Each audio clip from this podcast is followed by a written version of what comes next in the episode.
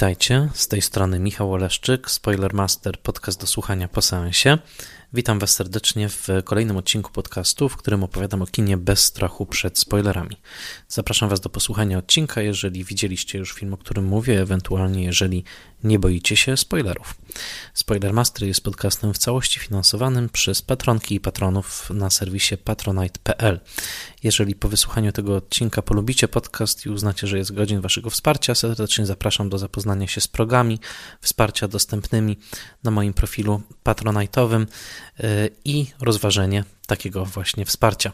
Serdecznie dziękuję wszystkim, którzy już wspierają Spoilermastera. To wsparcie wiąże się z dodatkowymi bonusami, takimi jak newsletter, przynależność do grupy zamkniętej na Facebooku i jeszcze innymi e, bonusami, które dla Was przygotowałem. A szczególnie dziękuję patronom imiennym podcastu Michał Hudoliński, Odi Henderson, Tytus Hołdys ze strony Vinylokino, zajmującej się dobrą muzyką filmową wydawaną na płytach winylowych. Serdecznie polecam, a także Anna Jóźwiak, Mateusz Stępień i blog Przygody Scenarzysty, na którym przeczytacie fantastyczne analizy scenariuszy i wiele refleksji dotyczących i dramaturgii filmowej, i codziennego życia i także wyzwań, jakie stają przed scenarzystami chcącymi funkcjonować na polskim rynku filmowym. Przygody scenarzysty serdecznie także polecam.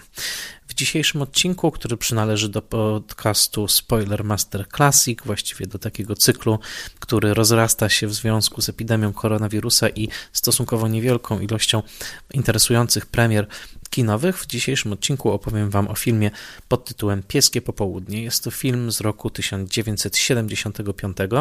Wyreżyserował ten film Sidney Lamet, a możecie go obejrzeć na platformie Netflix. Serdecznie Was do tego zachęcam. Jest to jeden z klasyków kina amerykańskiego, nominowany do sześciu Oscarów i laureat Oscara za najlepszy scenariusz dla Franka Pearsona. Serdecznie zachęcam do obejrzenia go na Netflixie i do wysłuchania tego odcinka, w którym opowiem trochę o Sidneyu Lamecie, o źródłach tego filmu Pieskie Popołudnie, a także o e, prawdziwych wydarzeniach, które e, legły u podstaw tego filmu i które dosyć mocno dla filmu zostały, e, zostały przetworzone. Pieskie Popołudnie jest filmem, e, tak jak powiedziałem, wyreżyserowanym przez Sydneya Lameta i on jest tutaj kluczową osobowością twórczą, o której będę Wam mówił i jak zwykle chcę zwrócić uwagę na to, że mm, wiedza, którą zaprezentuję Wam w odcinku oczywiście no, nie, nie pochodzi z powietrza, tylko pochodzi ze źródeł, z którymi się zapoznałem i jak zwykle wskazuję na te źródła, żebyście ewentualnie także, jeżeli zainteresuje Was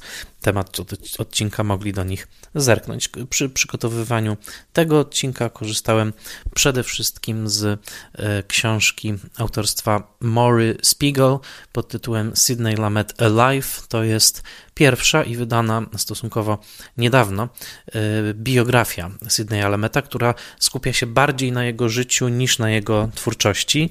Mm, bardzo interesująca e, książka, a także korzystałem z książki Franka R.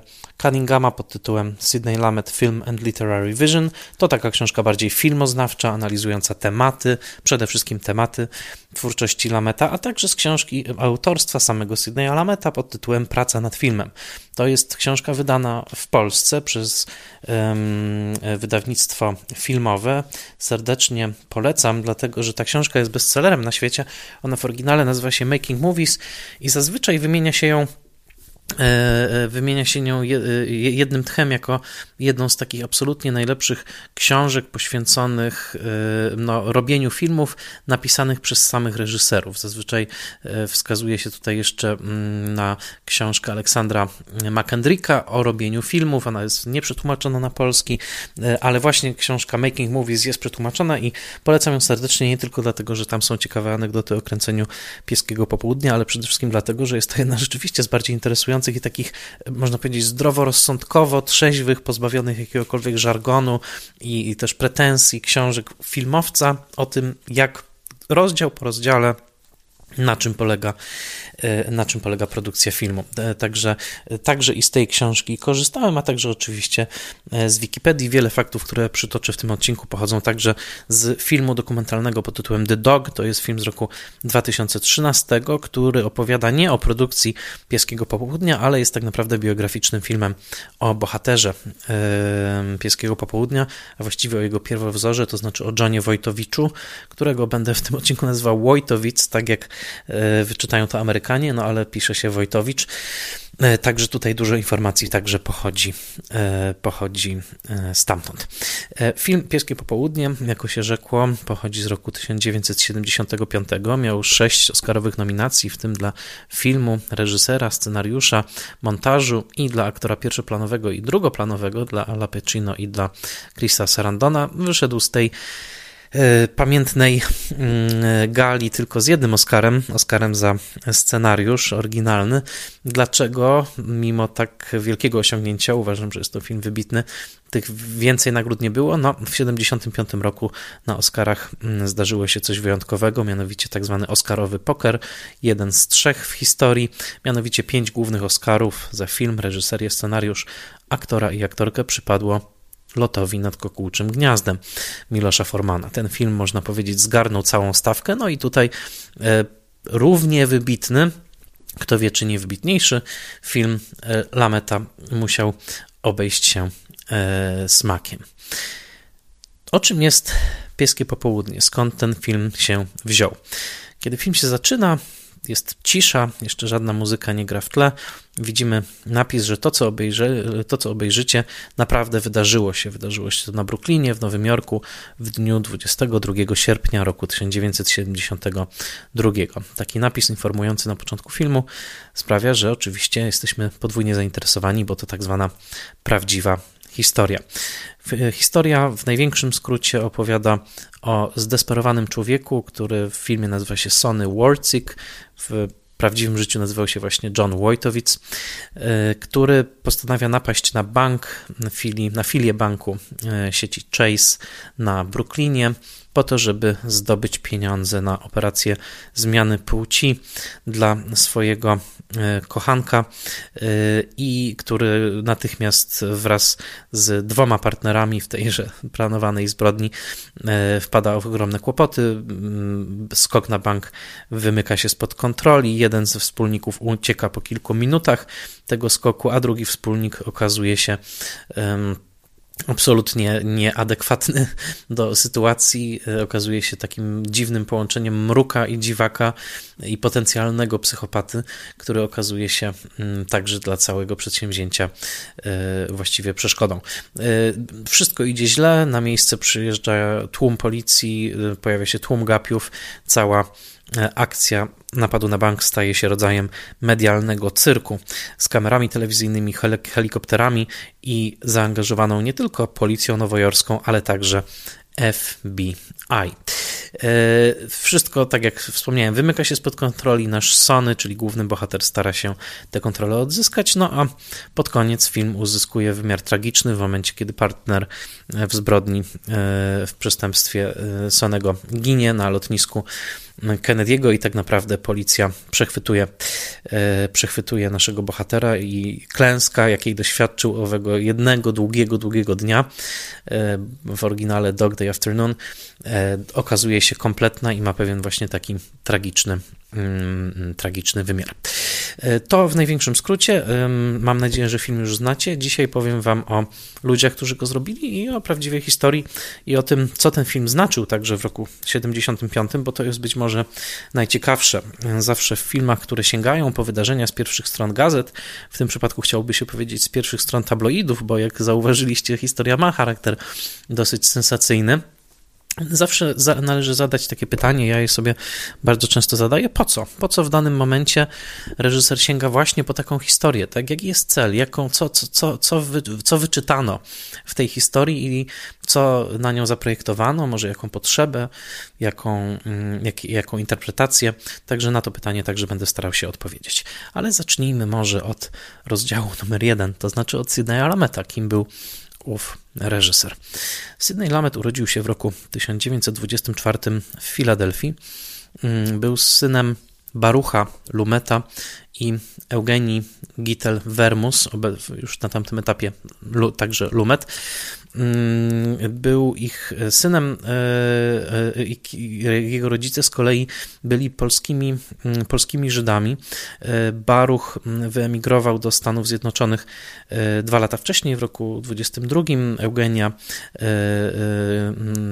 dołączyła do niego troszkę Później, już wówczas z amerykańskim imieniem Jenny, mm, to co z naszego punktu widzenia może się wydawać interesujące. Co prawda, Sydney urodził się już na ziemi amerykańskiej, ale jego rodzice obydwoje byli y, zakorzenieni właśnie w Warszawie.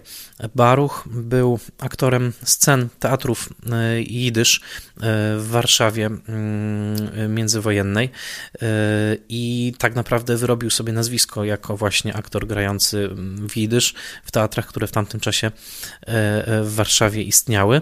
E, z kolei mm, Eugenia mm, była córką zamożnej żydowskiej rodziny Wermusów, zamieszkałej przy ulicy Kaliskiej e, w Warszawie. E, romans właśnie Barucha z Eugenią nie przypadał bynajmniej do gustu rodziców Eugenii. Oni byli bardzo majętnymi ludźmi, kształcili swoją córkę właściwie no, mm, na taką dziedziczkę fortuny.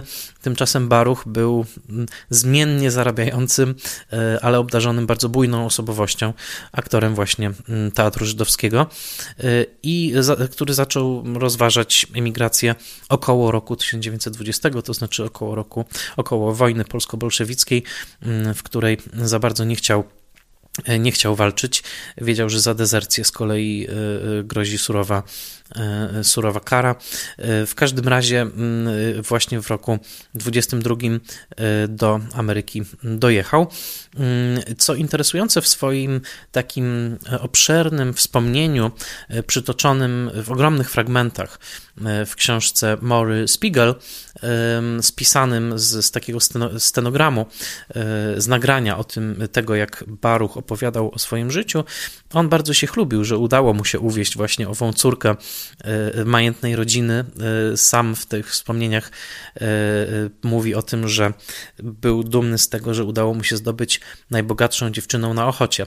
A zatem można powiedzieć, że w pewnym sensie, przynajmniej genealogicznym, Sydney Lumet jest po prostu chłopakiem z warszawskiej Ochoty to jednak jest wstęp do czegoś bardziej tragicznego, dlatego że o ile życie Sydneya, czyli syna e, Barucha i Eugenii, był obfitowało w sukcesy i tak naprawdę jest jednym z najbardziej spełnionych życiorysów amerykańskich reżyserów. Mówimy o autorze ponad 50 filmów fabularnych, kilkuset odcinków telewizyjnych, człowieku niebywałej płodności, bardzo także utytułowanym mimo że Oscara nigdy nie zdobył, mimo mm, swoich pięciu nominacji, czterech reżyserskich i jednego, jednej mm, scenariopisarskiej.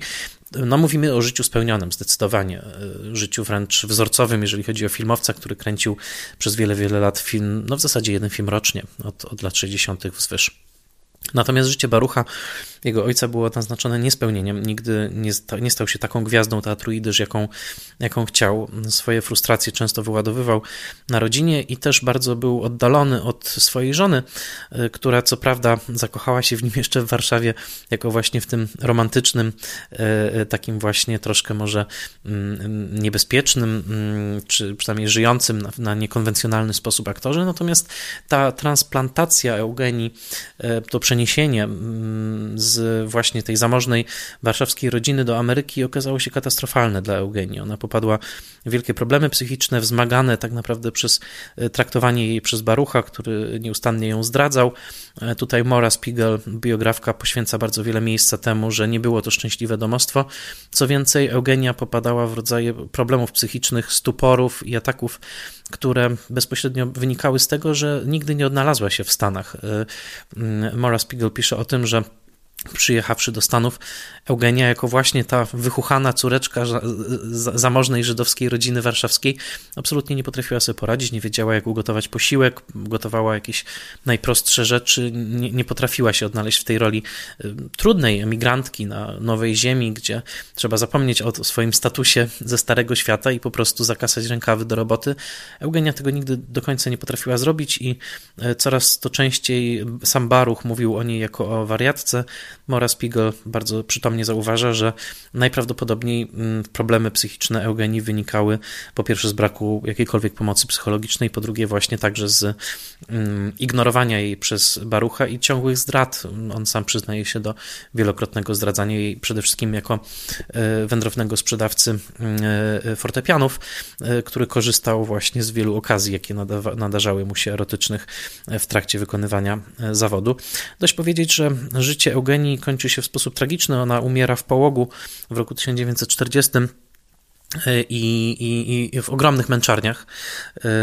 Jej dziecko, mm, także mm, córeczka, y, umiera, y, właściwie umarła jeszcze w jej łonie, po czym, mm, po czym komplikacje sprawiły, że w ogromnych męczarniach i tak naprawdę bez pomocy medycznej, także poprzez zaniedbania Barucha, y, zmarła niemalże na oczach dzieci, to znaczy córeczki Fej i właśnie syna Szmula, czyli Sydneya, e, którzy nie potrafili jej pomóc, nie, nie potrafili pomóc e, i, i, nie potrafili poradzić sobie z tą sytuacją.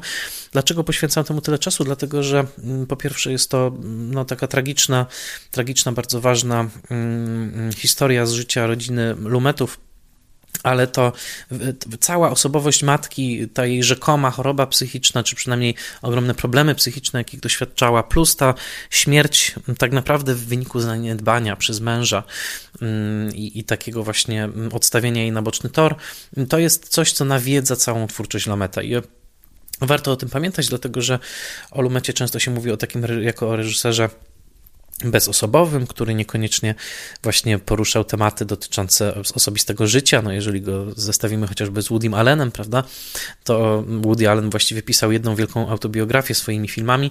W przypadku Lameta mówiło się, a, że to taki rzemieślnik, który każdą historię, czy to komediową, czy dramatyczną, świetnie na ekranie przedstawi. Oczywiście było w tym mnóstwo prawdy, natomiast sam Lumet w jednym z ostatnich wywiadów, jakich udzielił na łamach Rolling Stone, powiedział Pitowi Traversowi, że jeżeli ktoś dobrze się przyjrzy, to oczywiście, że w jego filmach jest rozsiana ogromna ilość aluzji do do, przede wszystkim do tego dramatu rodzinnego, jaki obserwował, to znaczy właśnie ojca, który był niesłowny, był mitomanem, który właśnie zdradzał żonę i często traktował ją źle, jednocześnie mm, obciążając syna swoimi ambicjami aktorskimi, przerzucając niejako te ambicje na niego, no i oczywiście matki, która z jednej strony zachowywała się w sposób bardzo niespójny, bardzo czasami też konfundujący dla małego dziecka, a która zmarła w owych męczarniach. Więc mm, jeżeli będziemy pamiętać o tym, że dla Lameta osoby, dla Sydneya, ale metod człowieka, e, problemy rodzinne i taka wewnętrzna dynamika rodziny, która mm, nie zdaje egzaminu, która tak naprawdę się rozpada, w której dochodzi do jakiegoś, do implozji, do mm, zawiedzionego zaufania, do mm, także aktów no, no, ostatecznych, takich właśnie jak chociażby śmierć w męczarniach bez żadnej pomocy udzielonej, to, to nagle zrozumiemy, że w tych jego filmach jest ogromna ilość y, y, nawiązań, jakichś takich przepracowań tego tematu. Dość powiedzieć, że samo Pieskie Popołudnie jest rodzajem rodzinnego dramatu, w którym mąż zakochuje się w innym mężczyźnie, który okazuje się kobietą w męskim ciele i postanawia napaść na bank po to, aby uczynić swojego kochanka, tudzież jakby dokonać operacji korekcji płci i spełnić marzenie właśnie o, o dopełnieniu tego, tego aktu transseksualnego. Więc i oczywiście są w filmie dramatyczne sceny, trochę także komediowe, rozmów pomiędzy Sonem Worcickiem a jego żoną. Tutaj tej komedii jest mniej, ale w przypadku matki granej przez legendarną aktorkę y, nowojorską, teatralną Judith Malinę, ten właśnie taki aspekt dramatu rodzinnego, który dzieje się na oczach całego Nowego Jorku i na oczach całego, całego USA za pośrednictwem kamer telewizyjnych jest bardzo wyraźny. E, filmem, w którym zapewne jest najwięcej Lameta jego właśnie osobistej historii, no to można by wskazać na pewno na film Koniec długiego dnia wedle sztuki Eugena O'Neilla, który wprost pokazuje matkę uzależnioną od morfiny i męża, który poskąpił pieniędzy na pomoc medyczną. To to był także zarzut do Barucha, że on po prostu nie chciał płacić lekarzom, żeby zajmowali się Eugenią czy Jenny. Więc tutaj ta postać e, właśnie Catherine Hepburn i, i, jej męża Ralpha Richardsona absolutnie jest też portretem, portretem rodzinnym, ale także film Daniel, e, który pokazuje taką rodzinę ulepioną trochę na wzór rodziny Ethel i Juliusa Rosenbergów, a być może najbardziej film pod tytułem Running on Empty z roku 1900 88. W Polsce on funkcjonował pod różnymi, różnymi tytułami który pokazuje takie rozczarowanie lewicującej i rewolucyjnej w zasadzie rodziny e, w latach 80., w tych latach reganowskich, kiedy oni w zasadzie muszą się kryć jako terroryści e, i, i te mogą tylko rozważać, e, kontemplować rewolucję, która się nie udała, to znaczy rewolucję lat 60. To taki dłuższy wstęp, ważny, y, żeby podkreślić, że Lamet wychodzi właśnie z domu po pierwsze złamanego, jakimś takim dramatem wewnętrznym y, i, i ten dramat rodzinny w jego filmach objawia się na różne sposoby i można, i namawiam was do tego, żebyście spojrzeli właśnie na film Pieskie Popołudnie jako na film o takiej no, rozpisanej na bardzo wysokie C y, i inne wysokie nuty opowieści o kryzysie w rodzinie, a po drugie, bardzo istotne w tym wstępie jest to, co na razie tylko zasygnalizowałem, a co teraz rozwinę bardziej, mianowicie korzenie mm, samego Sydneya w teatrze jidysz, dlatego że to, że Baruch był aktorem teatru jidysz, to jest jedno, ale e, jedną z przyczyn, dla których on w ogóle marzył o przeniesieniu się do Nowego Jorku z Warszawy, było to, że wiedział, że w Nowym Jorku powstaje, powstawał, już wtedy istniał żydowski Broadway. Żydowski Broadway, który skupiał fantastycznie utalentowanych mm, dramaturgów, aktorów, aktorki. To słynny przypadek Molly Picon, która przyjechała do Polski i wystąpiła w filmie e, Judeł gra na skrzypcach, takim słynnym musicalu jidyszowym. Molly Picon po wielu latach wystąpi także w, jako swatka w Skrzypku na dachu. No, do, dość powiedzieć, że rzeczywiście w Nowym Jorku żydowski teatr miał się świetnie i yy, teatr Widysz miał się świetnie. Zazwyczaj mówiło się o Second Avenue, czyli części East Village, tego właśnie wschodniego cypelka yy, na południu Manhattanu, jako właśnie o takim żydowskim Broadwayu. I on o tym żydowskim Broadwayu Baruch marzył. Nie do końca go zdobył, chociaż radził sobie na nim e, i występował także w radiu jako aktor radiowy w takich sztukach jidysz dla właśnie e, żydowskiej publiczności, dla tych świeżo upieczonych emigrantów, e, głównie na Lower East Side. Więc e, tak się złożyło i co prawda Baruch najpierw wylądował w Filadelfii, ale bardzo szybko przeniósł się do Nowego Jorku. Sydney urodził się jeszcze w Filadelfii, ale też w wieku kilku lat do Nowego Jorku się przeniósł i faktycznie Sydney właściwie poradził sobie lepiej aktorsko niż ojciec, to znaczy przerósł ojca i jako dziecko Sydney Lamet występował bardzo często jako dziecięcy aktor na Broadwayu. Był członkiem takiego związku dziecięcych aktorów, e, uczęszczał do szkoły, która właśnie była specjalnie zorganizowana dla dzieci występujących na Broadwayu. Co więcej, i tu wchodzimy w bardzo ważny rozdział Sydneya Lameta życia. On właściwie w wieku nie chcę powiedzieć nastoletnim, wcześniejszym niż nastoletni, odbierał edukację aktorską i reżyserską od naprawdę wielkich tuzów teatru światowego. Pracował z Maxem Reinhardtem. To nazwisko pojawiło się w Spoilermasterze przy okazji e, odcinka o Friedrichu Wilhelmie, Wilhelmie Murnale, czyli Max Reinhardt, jeden z najważniejszych reżyserów niemieckich, który także uciekł przed, przed Hitlerem i reżyserował sztuki teatralne i, mm, i, i, filmy także w Stanach, więc pracował z Maxem e, e, Reinhardtem. Pracował mm, także na Broadwayu w sztukach, które cieszyły się ogromnym, ogromnym powodzeniem, między innymi w takiej sztuce Dead End, Ślepy Zaułek, którą William Wyler przeniesie na ekran właśnie pod tym samym tytułem Dead End. A zatem mówimy tutaj o kimś, kto właściwie w wieku 11, 12, 13 lat no, występował na deskach broadwayowskich, występował także na deskach teatru Jidysz, występował w radiu y, Jidysz y, i, i uczył się, po prostu cały czas się uczył o ekspresji aktora, o budowaniu postaci, o dramaturgii i to uczył się od naprawdę niebanalnych, wielkich nazwisk. Y, wszystko to miało swoją kulminację w roku 1939, kiedy to młody Sydney wystąpił w filmie, jedyny raz jako aktor, z wyjątkiem niewielkiej rulki po 65 latach w filmie Jonathana Demiego pod tytułem Kandydat, ale to już będzie rok 2004 i to będzie stary Sydney, ale jedyna taka duża rola Sydneya Lameta na ekranie to jest film pod tytułem Jedna trzecia narodu, e, One Third of the Nation, oparta na e, sztuce, e, sztuce teatralnej, e, która mm, krytykowała brak mieszkalnictwa komunalnego w Nowym Jorku i pokazywała takie zapuszczone kamienice stojące na wschodniej stronie wyspy jako takie siedlisko zła i upodlenia ludzkiego. Mm, I, i on tam wystąpił rzeczywiście w, w roli chłopca, który w pewnym momencie nawet rozmawia z budynkiem, właśnie z taką zaniedbaną kamienicą i ta kamienica jest takim trochę widmem biedy, która unosi się nad Nowym Jorkiem. I Żeby po pierwsze warto zrozumieć e, to, to, do czego na początku namawiałem, że ważny jest ten element rodzinny, po drugie u Lameta, po drugie właśnie, że ma głębokie korzenie, korzenie w teatrze i głęboko zrozumiał e, teatralną dramaturgię i właściwie można powiedzieć o nim, że ma dramaturgię we krwi, e, bo tak wcześnie na tych deskach stanął, ale po trzecie, i tutaj zakończę ten wstęp lametowski i to jest niezwykle istotne, żeby z kolei zrozumieć ten element, Mm, y, Sydney Lamet pochodził z rodziny żydowskiej o wyraźnym zacięciu progresywnym, lewicowym. Y, to jest przypadek ogromnej ilości lewicowych, y, żydowskich i nie tylko, ale w dużej mierze intelektualistów tamtego czasu, którzy mienili się właśnie progresywistami, lewicowcami, często wprost komunistami, którzy zwłaszcza w latach 30. byli niesłychanie aktywni po tym, jak wielki kryzys finansowy rzekomo, rzekomo dowiódł ostatecznej klęski kapitalizmu, faktycznie ten ruch intelektualny, artystyczny, także zasilany ogromnymi inspiracjami genialnych dzieł, jakie płynęły w tamtym czasie ze Związku Sowieckiego, myślę o Eisensteinie i wielu innych, e, faktycznie w Stanach był niebywale aktywny i Sidney Lamet był w samym centrum tego, tego ruchu, tego fermentu intelektualnego, politycznego, który sprawił, że rzeczywiście całe pokolenie dramatopisarzy, kompozytorów, jakby formujących się w takiej oporze wobec hitlerowskich Niemiec, ale jednocześnie w słońcu, można powiedzieć, jak się okazało, z czasem fałszywym e, e, Związku Radzieckiego, e, absolutnie Sidney Lamet był w samym centrum tego ruchu.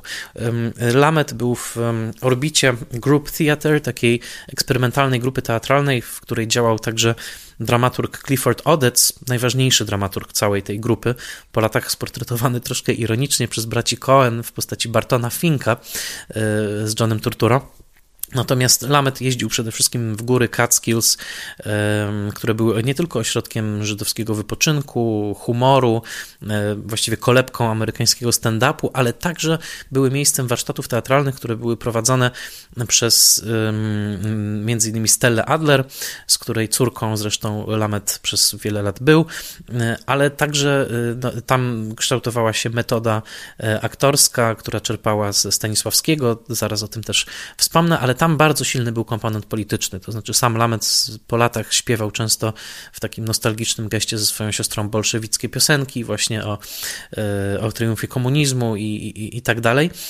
Więc tam było takie przekonanie, że świat rzeczywiście się zmienia, że Związek Radziecki jest absolutnym wzor wzorcem tego, jak w ogóle może y, funkcjonować państwo, i, i w tym takim właśnie, dodam od siebie, fałszywym słońcu wyidealizowanego komunizmu Lamet dorastał, i ta jego społeczna wrażliwość, mimo że po latach sam będzie się zmagał jakby już z subtelnościami tego niejakiego rozczarowania, jakie, jakie także komunizm przy, przyniósł, ono jest bardzo ważne bo jego ogromna dążność do portretowania e, sprawiedliwości społecznej w filmach będzie widoczna także właśnie w pieskim popołudniu. A zatem, e, podsumowując, mamy Lameta, e, który, na którym odciska się piętno właśnie to rodzinne, bardzo tragiczne.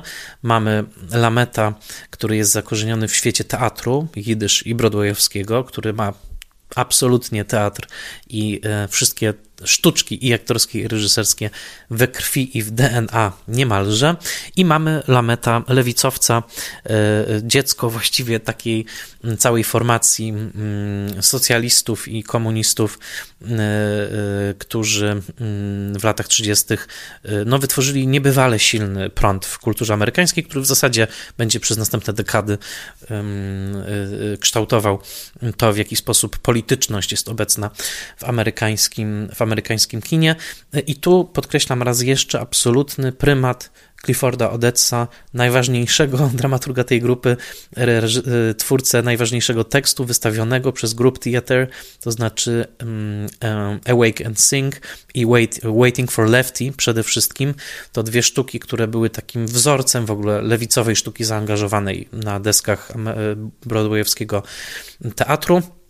E, Clifford Odets, który także będzie miał ciekawe przygody z kinem, ale dzisiaj o nich nie będziemy mówić. Dość powiedzieć, że jeżeli chcecie zapoznać się z takim, e, można powiedzieć, wzorcowym e, tekstem Odessa, warto spojrzeć na film pod tytułem Golden Boy z roku 1939, który jest w zasadzie wzorcową taką odecowską opowieścią o, mm, o, o amerykańskim marzeniu i o rozczarowaniu tym marzeniem i także o niesprawiedliwych warunkach kapitalizmu amerykańskiego, które okazują się wielką barierą dla e, marzeń o emancypacji z mocnym wątkiem także tożsamościowym żydowskim. I teraz tak. Mm, sam Lamet po latach wspominał te wpływy i rodzinne, i teatralne, i polityczne. Pamiętał bardzo dobrze dzień, w którym hitlerowskie Niemcy i Związek Radziecki zawarły pakt o nieagresji, który miał także znaczenie dla nas. E, kiedy to był to najtrudniejszy dzień w życiu amerykańskich komunistów tamtego czasu. Lillian Hellman płakała, Clifford Odets zanosił się łzami, co widział zresztą na żywo Lamet, no bo jak, jakże to, jak mógł Związek Radziecki wejść w komitywę z antysemickimi Niemcami? No my w tej części świata wiemy dlaczego, natomiast y, no, dla, dla amerykańskich komunistów był to jeden z pierwszych takich dużych, dużych szoków. I Lamet dość szybko wycofał się z takiej aktywnej polityki, ale ta polityka, zwłaszcza takie przekonanie progresywne o, o równości społecznej, o potrzebie reformy, o, mm, o takim ciągłym e, ciągłym polepszaniu warunków życia i o przede wszystkim otwieraniu amerykańskiego społeczeństwa na rozmaite mniejszości i przede wszystkim budowanie takiej demokracji liberalnej, to wszystko w nim było bardzo, bardzo silne. I teraz, zakończywszy ów długi wstęp lametowski i wskazując na to, że w roku 75 kręcąc Pieskie Popołudnie, Lamet kręcił już swój 22 film fabularny, bo jego kinowym debiutem był film pod tytułem 12 Gniewnych Ludzi z 1957 roku i od tamtego czasu kręcił niemalże jeden film rocznie, a wcześniej miał na koncie wiele, wiele sztuk teatralnych wystawionych w telewizji, odcinków, seriali i tak jak to się mówi w języku polskich reżyserów, miał bardzo nabitą rękę. Właśnie Lamet nakręcił Pieskie Popołudnie. Był to fantastyczny okres w twórczości Lameta, wielki sukces filmu Serpico, legenda ustanowiona w zasadzie pierwszym filmem, czyli dwunastoma gniewnymi ludźmi, później wiele filmów, które podejmowały ważne tematy społeczne, polityczne, między innymi taki film Czerwona Linia o zagładzie atomowej, taki można powiedzieć kontr Dr. Strangelove albo drugi Dr. Strangelove skończyło się procesem, bo filmy były zbyt podobne. E, Fail Safe, tak się nazywał w oryginale. E, Lombardzista, The Pound Broker z Rodem Steigerem, ważny film dotyczący Holokaustu i pamięci Holokaustu przede wszystkim. Jak to się stało, że w roku 75 Sidney Lamet nakręcił właśnie Pieskie Popołudnie? Ojcem pomysłu okazał się producent Martin Bregman, który e, zainspirowany historią z Live Magazine, e, w której mm, dwójka autorów, Thomas More i P.F. Kluge, opisali e, historię właśnie napadu na bank Johna Wojtowica. Artykuł się nazywał The Boys in the Bank, co było grą słów z filmem i sztuką Mata Crowley'a, ważną taką gejowską sztuką The Boys in the Band. Nowa wersja tej sztuki swoją drogą wjechała na Netflixa. No, mm, historia wydawała się wręcz skrojona pod tabloidy, prawda? Zmiana płci, homoseksualny mężczyzna, romantyczny gest, prawda? Kradzieży pieniędzy niemalże jak Robin Hood po to, żeby dopomóc w owej e, korekcji płci, przedziwne małżeństwo, jakiego, jakie wcześniej e, zawarł, to już było drugie małżeństwo Wojtowica, e, właśnie ze swoim kochankiem jeszcze przed tą tranzycją płciową, e, na której e, byli obecni rodzice e, państwa młodych, jednocześnie byli obecni, były obecne drag queens nowojorskie i prawdziwy ksiądz katolicki, który zresztą później został pozbawiony swojej mocy sprawczej przez Kościół katolicki. To wszystko sprawiło, że rzeczywiście no, wydawał się taki idealny tabloidowy materiał, w którym jednak coś, coś więcej dostrzegł Bregman i on zlecił napisanie scenariusza Frankowi Pearsonowi, który opowiada mm, to w dokumencie dostępnym na płycie DVD z tym filmem, wydanej zresztą w Polsce przez Warner. E, Frank Pearson opowiada o tym, że szukał klucza, jak opowiedzieć o tej historii, no bo jak ją opowiedzieć na ekranie.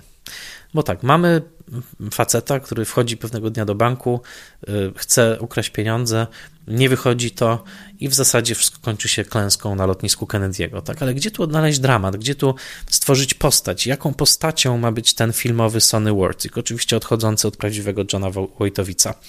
Otóż Frank Pearson powiedział coś, co absolutnie mnie zachwyciło, y, jeżeli chodzi o takie znalezienie klucza do postaci.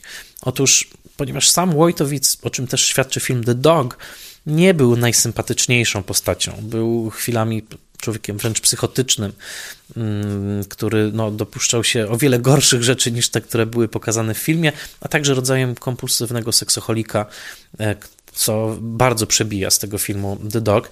Więc oddzielając się od prawdziwego Johna Wojtowica, który zresztą nie chciał za bardzo z Pearsonem rozmawiać, ponieważ siedział już wówczas w więzieniu, odsiadywał swój 20-letni wyrok, z którego w sumie odsiedział tylko 5 lat, ale przede wszystkim uważał, że producenci chcą mu za mało zapłacić, więc tak naprawdę Pearson musiał wymyślić tego bohatera, tego właśnie Sonego, zagranego przez Ala Pacino. I Pearson powiedział jedną rzecz, która absolutnie za zapadła mi w pamięć.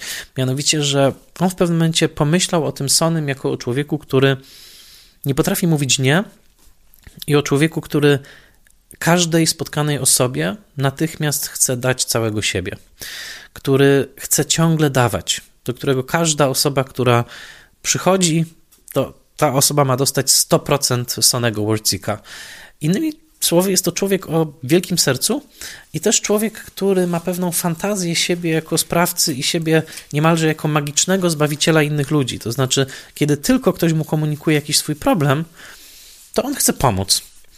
Czy to będzie jego kochanek, który komunikuje mu chęć właśnie tej korekcji płci, czy to będzie jego matka, która czegoś od niego wymaga, czy to będzie jego pierwsza żona, e, z którą ma zresztą dwójkę dzieci, e, czy to będzie ktoś w banku z tych mm, osób obsługujących, które nagle komunikuje, że musi iść do toalety albo że ma jakąś inną specjalną potrzebę, pierwszą reakcją Sonego jest to, żeby pomóc, żeby, żeby tak zrobić, żeby tej osobie było dobrze.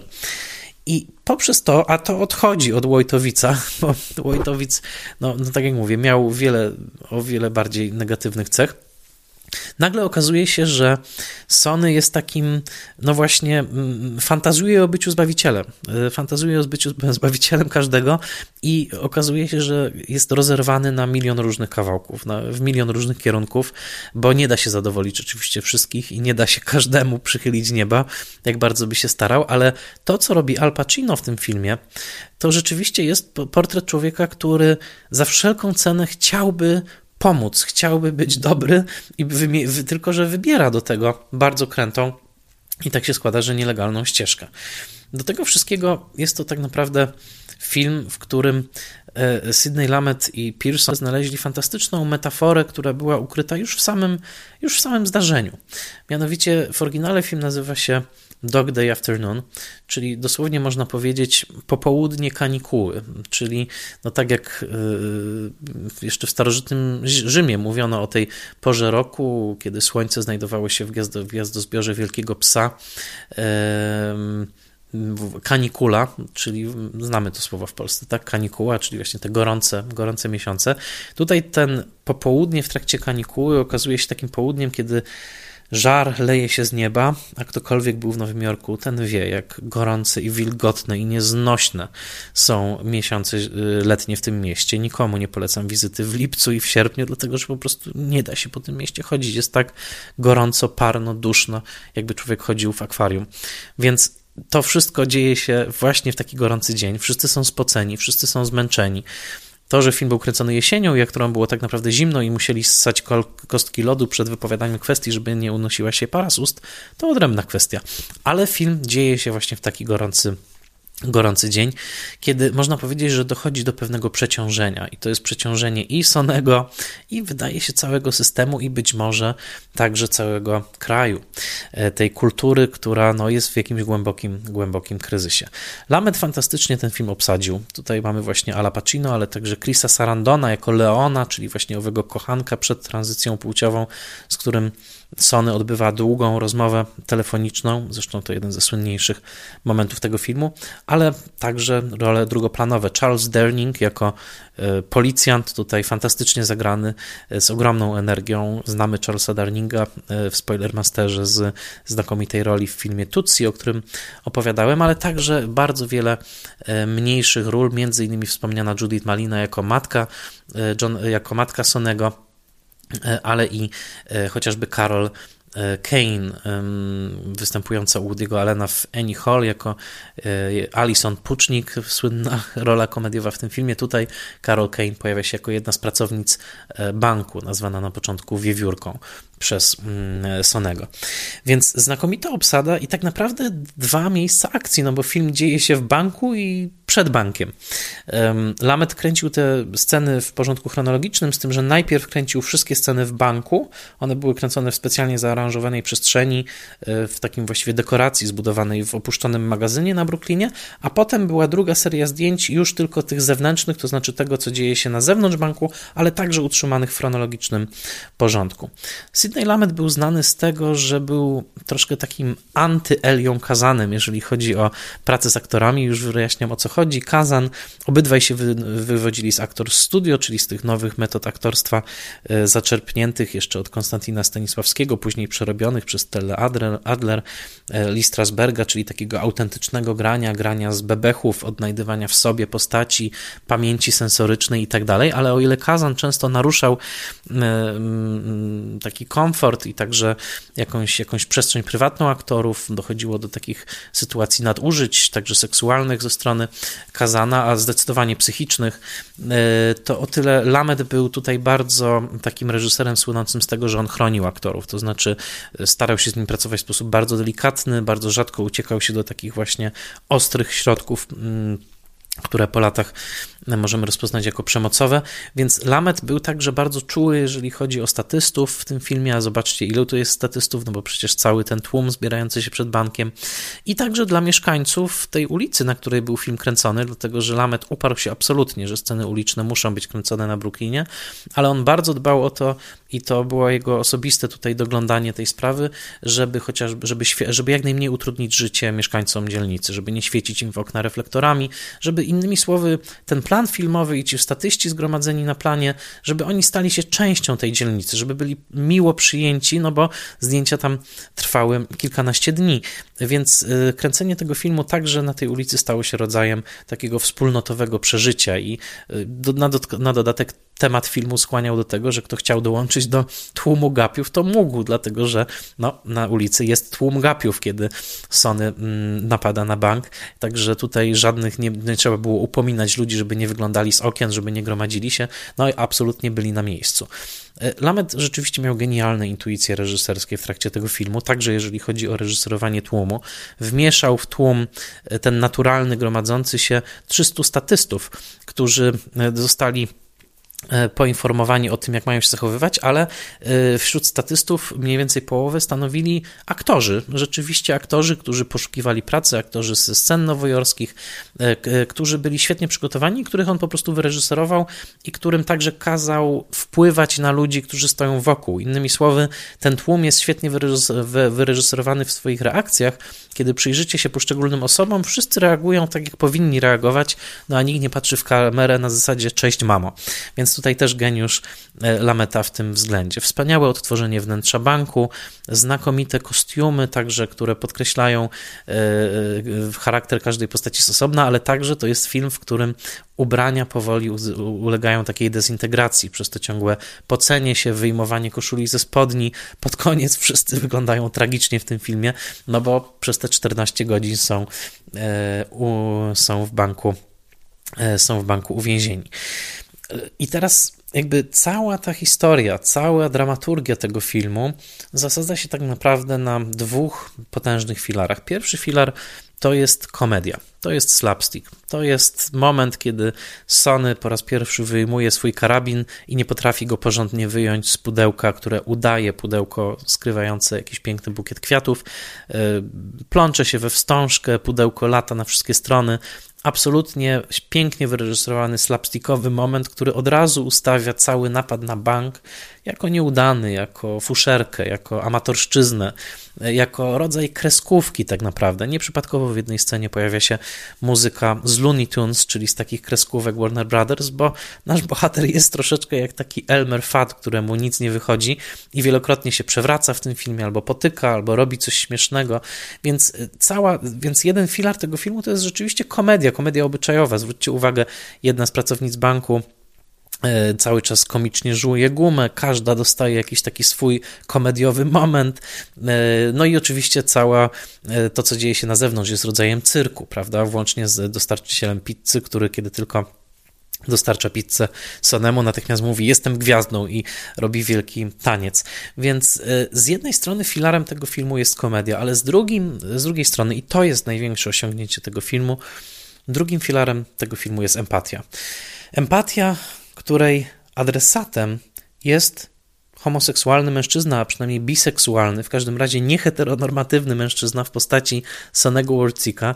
I jeżeli zapomnimy o tym, że prawdziwy John Wojtowic był de facto kawałem drania, który dopuścił się bardzo wielu rzeczy, który między innymi wpędził tak naprawdę swojego partnera e, do domu psychiatrycznego, wysyłając mu pogróżki, karteczki z napisem umrzesz za 23 dni, umrzesz za 22. Straszliwe rzeczy on robił rzeczywiście temu partnerowi i nie tylko jemu. Jeżeli zapomnimy o tej takiej psychotycznej części y, samego Johna Wojtowica i skupimy się na tej postaci stworzonej w filmie, to zobaczymy, że cały film jest niebywałym aktem empatii, nakręconym w roku 75 pod adresem nieheteronormatywnego mężczyzny, który na dodatek walczy o zmianę płci dla swojego kochanka. W, w roku 75 było to ogromne ryzyko.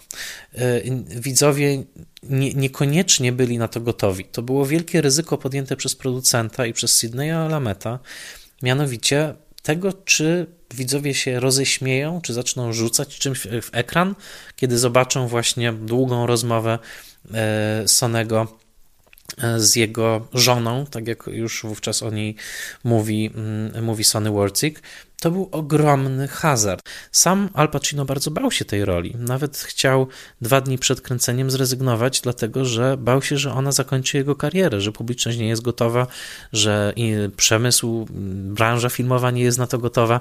Sam Sidney Lamet bardzo się bał. Ale w końcu nie dość, że Pacino świetnie zagrał, to yy, Lamet opowiadał o tym, że no, uczestniczył w, w, w, pokazach tego filmu i kiedy po raz pierwszy oglądał go z pełną publicznością, bardzo się bał reakcji. Chris Sarandon, czyli aktor grający tutaj kochanka yy,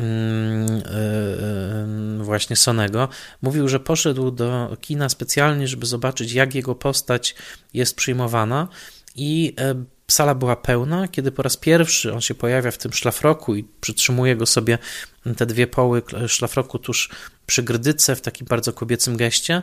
Publiczność na Times Square śmiała się, rzucała w ekran, po prostu no, homofobicznie reagowała na tą postać, ale o czym mówi Chris Sarandon, w scenie długiej rozmowy telefonicznej nie śmiał się absolutnie nikt, bo akt empatii, który dokonuje się w tym filmie, polega na tym, że w, cał, w pełni przyjmujemy romantyczny gest, jaki wykonuje kochający mężczyzna pod adresem osoby, którą kocha.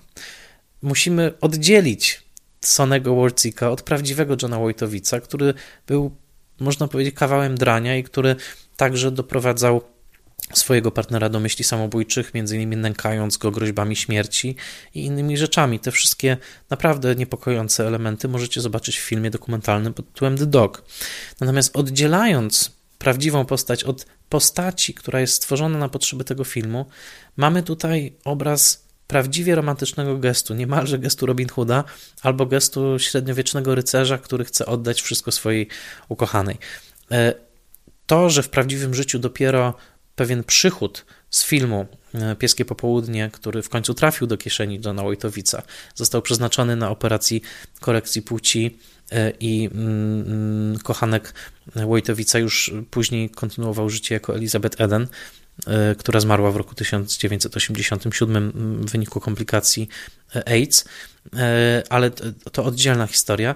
Jakby najważniejsze w filmie Lameta jest to, że z jednej strony śmiejemy się z Sonego i jego zagranego przez wspaniałego Johna Cazala partnera, e, który tutaj, partnera w tym napadzie, który jest absolutnie no, fantastyczną postacią takiego nieprzeniknionego dziwaka nieudacznika, a z drugiej strony rozpoznając jego motywy, Sonego i orientując się w romantycznej naturze tych, tego motywu, tego, że jest to gest pod adresem ukochanej osoby, w którym to geście absolutnie Sony nie liczy się z tym, że sam wystawia się tak naprawdę na rodzaj zniszczenia e, i społecznego, i także e, być może nawet e, swoje życie wystawia na, na szale.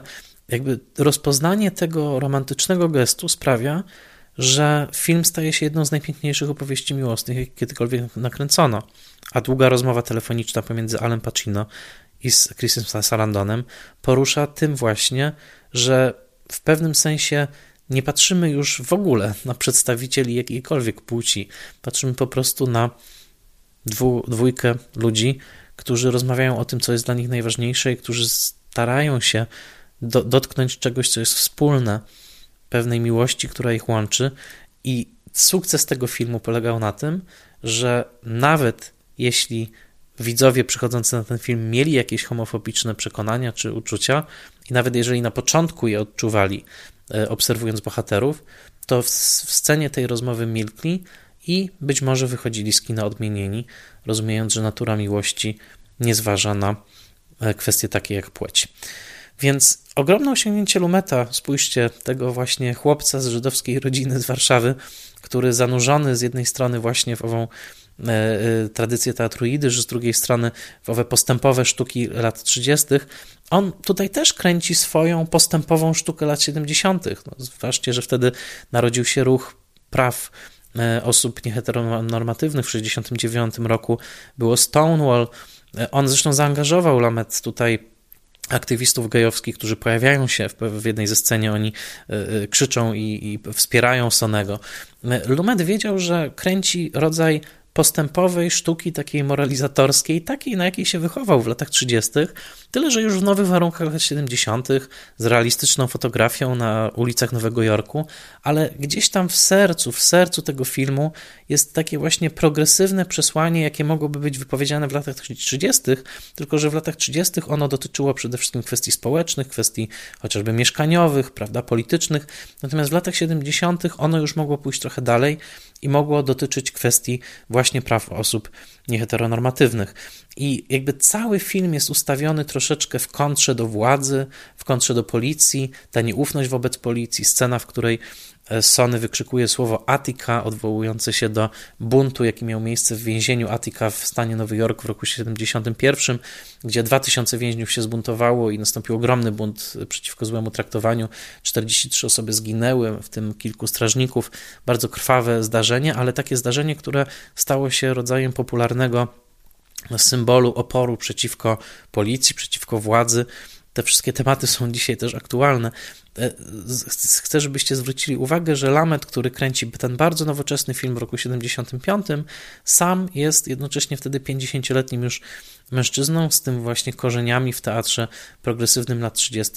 I on kręci tak naprawdę swoją progresywną sztukę na lata 70., e, w których bohater, który absolutnie odnalazłby się w sztukach Odessa, które wszystkie celebrowały pięknych przegranych, którzy walczyli o coś, co było bardzo ważne dla nich, ale koniec końców przegrywali. To wszystko się układa w bardzo spójny obrazek, i to, co mnie w tym filmie rozczula, to jest to, że ta cnota obywatelska Lameta, który przez całe życie bardzo dbał o to, żeby w swoich filmach stawiać, stawać po stronie osób słabszych, który w całej, w całej swojej twórczości gdzieś ujawniał tą taką właśnie socjalistyczną, można powiedzieć, duszę kogoś, kto zawsze postawi bardziej na współczucie niż nawet na rozsądek polityczny, czy jakąś takie zimną kalkulację tego zysków i strat w kapitalizmie obecną. E, mnie to osobiście bardzo rozczula i jakoś tak zbliża do Lameta, mianowicie właśnie to, że on odruchowo, ale także w wyniku solidnej takiej edukacji, jaką odebrał w rodzinie, zawsze staje po stronie słabszego i to stanięcie po stronie słabszego w filmie Pieskie Popołudnie wydaje mi się bardzo wzruszające, a poprzez wspaniałe aktorstwo Pacino, Sarandona, całej paczki aktorów, wydaje mi się wręcz nieśmiertelne. Jeżeli do tego dołączyć znakomite zdjęcia w tym filmie, w tym filmie obecne Wiktora Kempera i genialny montaż Didi Allen, za który była nominowana do Oscara, zresztą to jeden z najważniejszych montażystek hollywoodzkich, zobaczycie, że jest to film wciąż nowoczesny, który można powiedzieć, że prześciga dynamiką swoich zdjęć, tam cały czas coś się rusza, kamera, postaci, wszystko jest kręcone tak właśnie na gorąco, trochę jak reportaż. To naprawdę jest film, który mm, wydaje się E, wydaje się nie starzeć. Także zachęcam Was do tego spotkania z filmem, który wyszedł tak naprawdę mm, z jakiegoś takiego tabloidowego nagłówka, został przetworzony przez wrażliwość świetnego scenarzysty, który wyodrębnił jedną główną cechę bohatera, a następnie został nasycony jeszcze taką właśnie empatią reżysera, którego korzenie sięgają warszawskiej ochoty. E, także mam nadzieję, że to spotkanie z pieskim popołudniem się okazało dla Was e, interesujące. Po latach film był przez niektórych krytykowany jako nie dość radykalny w przedstawieniu właśnie postaci nieheteronormatywnych. Zarzucano Lametowi, że zrezygnował ze sceny pocałunku pomiędzy Pacino i Sarandonem. Mm, prawdziwy e, John Wojtowicz pocałował rzeczywiście swojego partnera na oczach kamer i widzów. Lamet się tego nie zdecydował. Zawrzeć w tym filmie obawiał się, że to wyalienuje część widzów, że to przesłanie, które chce tym filmem e, przekazać, nie, do, nie dotrze równie mocno do, do nich. Czy miał rację, tego już się nie da rozstrzygnąć. Ważne jest to, że w roku 75 bardzo wielu Amerykanów, którzy nigdy, i nie tylko Amerykanów, którzy nigdy nie spodziewali się, że przez 124 minuty będą kibicować nieheteronormatywnemu mężczyźnie w jego romantycznym marzeniu, dokładnie to zrobiło i znalazło się w skórze innego człowieka. A przecież empatia i zrozumienie innego, zadanie sobie tego właśnie pytania, jak to jest być tym innym, wydaje mi się, że to jedna z istot sztuki jako takiej. Serdecznie Wam dziękuję za słuchanie. Bardzo Was zapraszam na kolejny odcinek Spoilermastera, a także na patronite.pl, gdzie można wesprzeć mój podcast i na fanpage'a. Zalajkujcie, podzielcie się, wystawcie oceny na iTunesie, polećcie komuś Spoilermastera. To jest podcast, który nagrywam z miłości do kina i z chęci dzielenia się wrażeniami i wiedzą z Wami, moimi słuchaczami. Serdecznie dziękuję i do usłyszenia za tydzień.